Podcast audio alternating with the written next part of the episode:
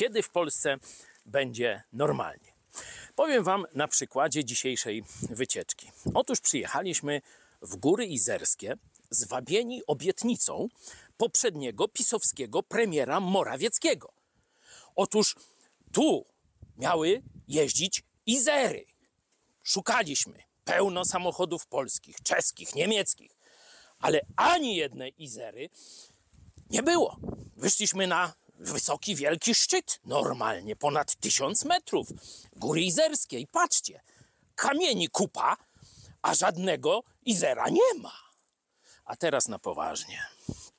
Przyzwyczailiśmy się po komunizmie i wcześniej katolicyzmie, feudalizmie cicho siedzieć wobec władzy. Dopóki nie zaczniemy władzy rozliczać z ich obietnic, zarówno starej, jak i oczywiście nowej, to w Polsce nie będzie normalnie.